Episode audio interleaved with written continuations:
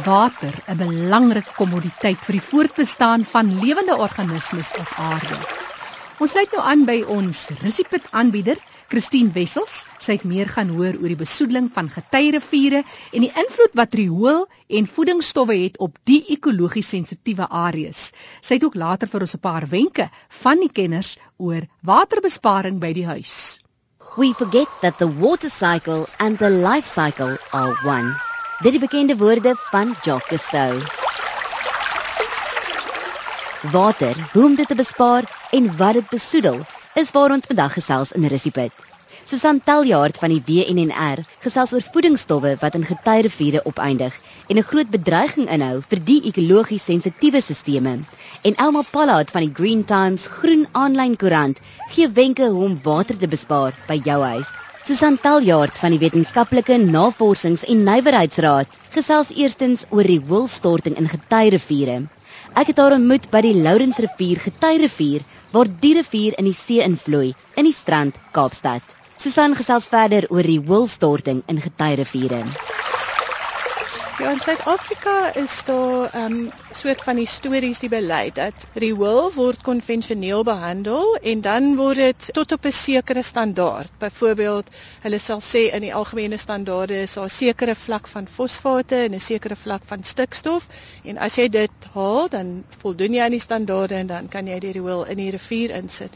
Nou in daai dae dink ek toe daar nog baie water in die riviere geloop het en ehm um, daar nie honderde mense, duisende mense om soos omgetye riviere naby die kus gebly het nie, was die volumes van riool wat ingegaan het. Dalk ek sal nie sê aanvaarbaar nie, maar in soveel dat dit werklik verdun kon word sodat dit nie eutrofikasie en en die probleme wat daarop volg kon veroorsaak nie. Maar nou begin die prentjie anders lyk. Ons begin al hoe meer water uit die riviere neem, so die volume waters wat inkom natuurlik raak minder. Ons kry al hoe meer mense wat veral hier in die onderlope om die getyriviere begin bly en die riool raak al meer en selfs in gevalle partykeer waar die riool tot by algemene standaarde behandel word, raak die volume so groot dat die vlakke waarby jy oorvloedige alge groei gaan begin kry, hulle bereik daai vlakke.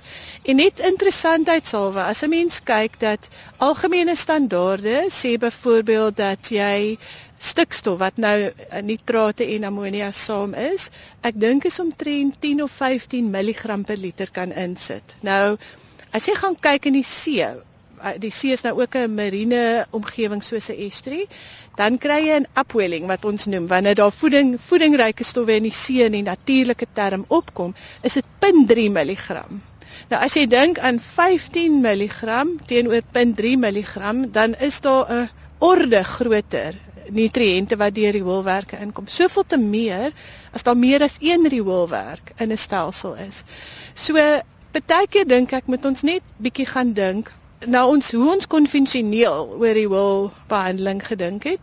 Miskien moet ons begin net 'n stappie terug staan en meer kyk na 'n meesterplan. As jy ontwikkeling toelaat in 'n area, is een van die kritiese goed wat jy dan ook moet in aanmerking neem is waar gaan ek met die riool heen? As hierdie hoël byvoorbeeld in 'n getyrivier of in 'n in 'n rivier ingaan, is die volumes waarna ek dink. Al al behandel ek dit tot op konvensionele aanvaarbare vlakke, is die volumes nie dalk te groot vir die stelsel wat hom sal tip nie. Maar as mens dan nou kyk na hierdie voedingsstowwe, die nitrate en die fosfate wat opeindig in die getyriviere, dit het met ander woorde nie net 'n invloed op die getyriviere nie, maar ook op die see as hierdie water uiteindelik daarop eindig en wat is die gevolge? Wat veroorsaak dit? Ja weet jy baie keer wat ons sien in die, in in ons land nou nog op die oomblik is dat die estuaries of die getye riviere vat die groot skok hulle is amper soos sponsies wat die voedingsstowwe uitneem. So byvoorbeeld jy sal nou sien hier langs die Lourensrivier baie keer as ons oormatige rietgroei sien, dan weet ons hier het voedingsstowwe iewers ingekom. So hulle is amper soos sponsies wat die nutriënte wat van die land afkom, van die rioolwerk afkom, verwerk hulle in plante groei en dis nie noodwendig miskien die voedingsstowwe wat dan uitgaan nie, maar dis die organiese materiaal as jy dan nou met 'n vloed kry wat dan see toe sal gaan. So op die oomblik sien ons nie so erg die voedingsstowwe se effek op plante groei in die see noodwendig omdat die estuaries op hierdie stadium amper die buffer is wat daai goeters vir ons of wat dit opneem. As ons van die wil praat dan praat ons van die menslike afvalgedeelte, maar voedingsstowwe kom ook in van van landbou. En as 'n mens daaraan dink, boere gebruik bemestingsstowwe, voedingsstowwe om plante op die land te laat groei. En wat gebeur as die ehm um, bemesting nie reg aangewend word nie of te veel aangewend word? Dan kry jy sodra dit reën, dan loop daai oorvloedige voedingsstowwe in die getyereviere of in die riviere in en hulle dieselfde funksie daar plante begin groei. En as die stelsel te veel daarvan kry, dan kan hy net nie cope nie en dan kry jy oormatige plante groei. So wat is die oplossing? Dit moet definitief beter bestuur word. Wie is verantwoordelik daarvoor om dit beter te bestuur en hoe gaan ons seker maak minder riool eindig op in hierdie getyereviere? Ek dink as jy kyk in Suid-Afrika, ons het baie goeie wetgewing. Ek dink ons het die waterwet waaronder riool uitvalle in estuaries en riviere soos ons dit op die oomblik verstaan nog beheer word. En ons het die geïntegreerde kusbestuurswet wat nou voorsiening maak dat daar bestuursplanne in plek kom. En ek dink wat nou moet gebeur in Suid-Afrika is dat daai wette moet omgesit word in implementering. En as jy byvoorbeeld kyk op in die groter prentjie wat vir ons baie verblydend is, was hierdie hele Green Drop en Blue Drop program van van waterwese. Ek dink dit is dis 'n baie positiewe stap om munisipaliteite te kry om in die in die regte rigting te beweeg. As ons hierdie estuarie bestuursplanne en die wonderlike uh, goed wat ons in die wette het wat ons net moet deurvoer, as ons dit begin doen. En dit is nie net die taak van die regering nie. Dis wat ons nou gesien het met goed soos Estrie bestuur. Die plaaslike gemeenskappe moet betrokke raak. Die groot suksesverhale waar goed omgedraai is, is waar die mense rondom Getuieriviere opgestaan het en gesê het ons praat saam. Daar's 'n fase waar waar mense mekaar wil beklei. Jy weet hulle hulle vertrou mekaar nie. Maar as jy as jy verder daai paadjie stap en sê ons is in hierdie besigheid om goed saam reg te maak, kry jy wonderlike resultate. En ek dink dis by ons by die WNR is een van ons missies is om die regering te help waar ons kan maar ook om navorsing van die grond af te doen om te kyk hoe mens plaaslike gemeenskappe rondom getuieriviere kan betrokke maak. Want hulle hulle hulle het waarde in nie net in hulle eiendom nie maar kultureel ontspanning al daai tipe goeders. En ek dink daar lê die geheim. Vir meer inligting oor die nasionale biodiversiteitsstudie vir Suid-Afrika besoek gerus www.sanbi.org En vir meer inligting oor die getuierivier bestuursplanne, besoek www.cir.co.za. Ek het gesels met Susan Taljaard van die WNNR. Resipit se volgende besoek is by die omgewingsjoernalis en redakteur van die groen aanlyn koerant Die Green Times, Elma Pollard. Elma, as ons kyk na maniere om water te bespaar by jou huishouding. Ons staan hier so by 'n swembad. Swembad wat baie water gebruik. Ja, die groot ding met die swembad is natuurlik dat die water verdamp so vreeslik, jy weet, as hy oop is. So ek het net begin dink, "Hallo, hoekom het ons hierdie swembad?" En hy verdamp maklik 20 liter per dag in die somer, moet jy weet. My waterrekening is hoog oor hierdie swembad. So ek ek um, neig nou al jare om iets in die swembad te doen en ek het my familie so geleidelik gewoond gemaak aan die idee dat hierdie swembad se dae is getel, jy weet. Ek het nou 'n week gelede die pomp afgesit. Hy is nou se muur af. Ek gaan nie dwars deur die winter die pomp laat loop nie. En dit gaan natuurlik beteken dat teen die somertyd gaan hierdie ding so groen soos nog iets wees. So dan is ons gereed vir ons transition, verstaan jy? Dan gaan ek my swembad omskep in 'n in 'n waterreservoir sodat ons daar uit kan water gebruik want ons gaan ook nou 'n watertank insit wat almal net nodig het byvoorbeeld in Australië waar ons was, ehm um, die regering gee almal gratis watertanks, jy weet. So ek dink nogal dis iets wat hier in Afrika die gerus gedoen kan word. Ehm um, jy kry verskeie watertanks, ehm um, jy kry party wat hulle nou deesdae maak volgens die spasie wat jy het dit is nie net plastiek nie, jy kan dit ook van ehm um, sinkplaat ehm um, uh, watertanks wat ek neem aan behandel is met ietsie sodat dit nou nie roes nie of whatever. So vir my is 'n watertank is 'n nommer 1. Maar as jy reeds 'n groot watertank in jou tuin het, dan kan jy mos nou hierdie ou gebruik. Verstaan jy? Want ons het ook al hier wat geskryf oor die hoe sleg is hierdie water wat jy hier uitpomp. Jy weet selfs ons in wat soutwater is, is ongelooflik ongelooflik sleg vir die omgewing. En hier loop hy af en dan gaan hy sommer hier in 'n wetland in om alles erger te maak en ek sien as ek gaan stap die mense pomp hulle water loop in die in die in die drein af.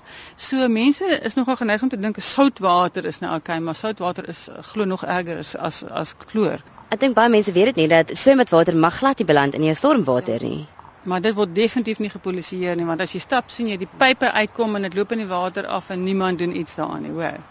As ons kyk na jou tuin, jy het ook seker gemaak hier dat die water word nie verdamp nie. Ja, weet jy, ek is nie eintlik opgelei daarin nie, maar ek doen maar organic gardening en die ding is net dat jy gaan nooit, jy wil nie hê jou jou grond moet die son sien nie want dan beteken dit hy verdroog vinnig uit en dan moet jy almekaar water gee. So ons probeer maar toemaak met wat wat jy ook in die hande kan kry. Ek het lekker boompas gekry, maar dit was bietjie baie duur. Toe vind ek uit van die strooi en ek vir my strooi bestel. Dis dis baie goedkoper. Uh, as ek blare het, dan gooi ek sommer blare wat jy ook al het. Uh en as jy 'n boom moet afsaag, dan laat jy hom opkap en dan gooi jy die. Wat jy uh, vir my is die beginsel van gebruik wat jy het ook baie belangrik dat jy nie vir alles na 'n winkel toe hoef te loop nie. Alma jy het gesê dit is baie belangrik dat mense leer hoe om te stort want as jy op die regte manier stort, kan jy ook water bespaar. Ja, jy weet daar stort en stort en ek het 'n uh, pas twee seuns groot gemaak. Hulle is nou net 20, so hulle het daarom nou al 'n bietjie breins gekry, maar my ek het nou 'n tiener van 13 en sy kan 'n paar ure in die stort staan. Jy weet, en ek is bekend daarvoor dat ek aan die deur gaan klop en sê, "Wat maak jy in die stort? Jy moet skoon wees in dit." Anyway, dit is nou 'n tiener ding. En ek het uh, in Australië geleer hoe om te stort. 'n Australian shower is so. Jy sit die water aan, jy maak jouself nat, dan sit jy hom af. Nou seep jy jouself in, nou spoel jy jouself af.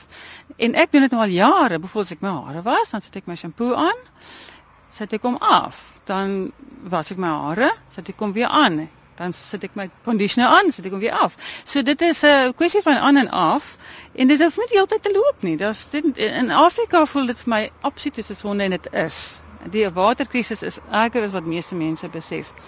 So mens moet maar mens moet aanpas en, en ek weet nie maar mens moet aanpassing ook vir jou net positief frame, jy weet.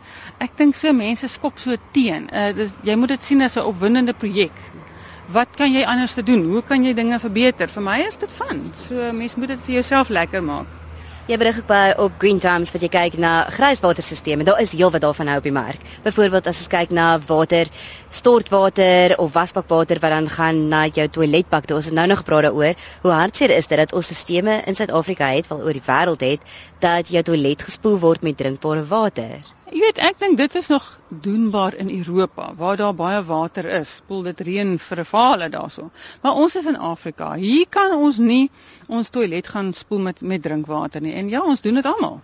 Ehm uh, vir my is dit so belangrik dat 'n mens daai stelsel verander, jy weet, en as mens nou begin 'n bietjie bespaar en jy het 'n bietjie geld om dan 'n uh, tank in te sit waarheen jou grijswater gaan, met ander woorde jou jou badwater en jou wasbak en en stort dis ook debatteerbaar hoe ver jy gaan. As jy 'n filter daarin sit kan jy nog jou skottelgoed in jou in jou klere was water ook laat ingaan.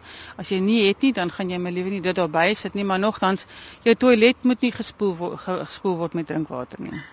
So ons kan ook gaan kyk na die verskillende stelsels wat daar is wat jy deesdae kan by jou huis installeer om dis grijswater te gebruik. 'n Manier om te kyk na watergebruik in jou tuin is natuurlik om eerder inheemse plante te plant en dit wat nie inheems is nie, moet eetbaar wees. Dis reg. Ek dink ons as ons mens besef hoe kosbaar jou water is, dan moet jy kyk waarvoor gebruik jy dit. En ehm um, inheemse plante gebruik eintlik baie minder en dit het baie minder aandag nodig en trouens ek gooi nie my inheemse plante nat in die somer nie. Die enigste ding wat ek bereid is om nat te gooi is my groente. So daai kos kom ten minste terug na my huis toe en ek hoef nie so baie kos te gaan koop nie. En die ander ding is natuurlik eh, dat jy jou bome kan vervang met met kos. So ek het hierdie visie van 'n food forest wat ek vir my kinders wil nalaat.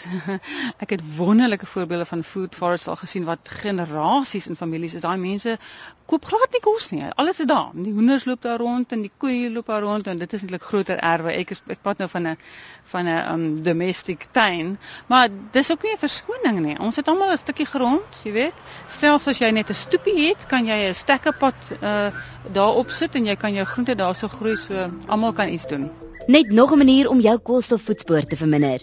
Besoek gerus www.thegreentimes.co.za en registreer vir die gratis aanlyn koerant en verminder sodoende jou huishouding se impak op die omgewing. Elma Pallard van die Green Times het haar groen wenke met Rissipit gedeel. En hierdie bydraes versorg deur Christine Wessels. Ek weet dan nie so mooi nie, dis seker maar kop skuif vir baie van ons, maar jy gehoor van hy Australiese stort. Dalk het jy 'n wonderlike idee wat jy daar by jou huis in werking gestel het. Laat weet ons gerus. Stuur my 'n e-pos. Dis eco@rsg.co.za. Net gou geweer, eco, e k o, eco by rsg.co.za.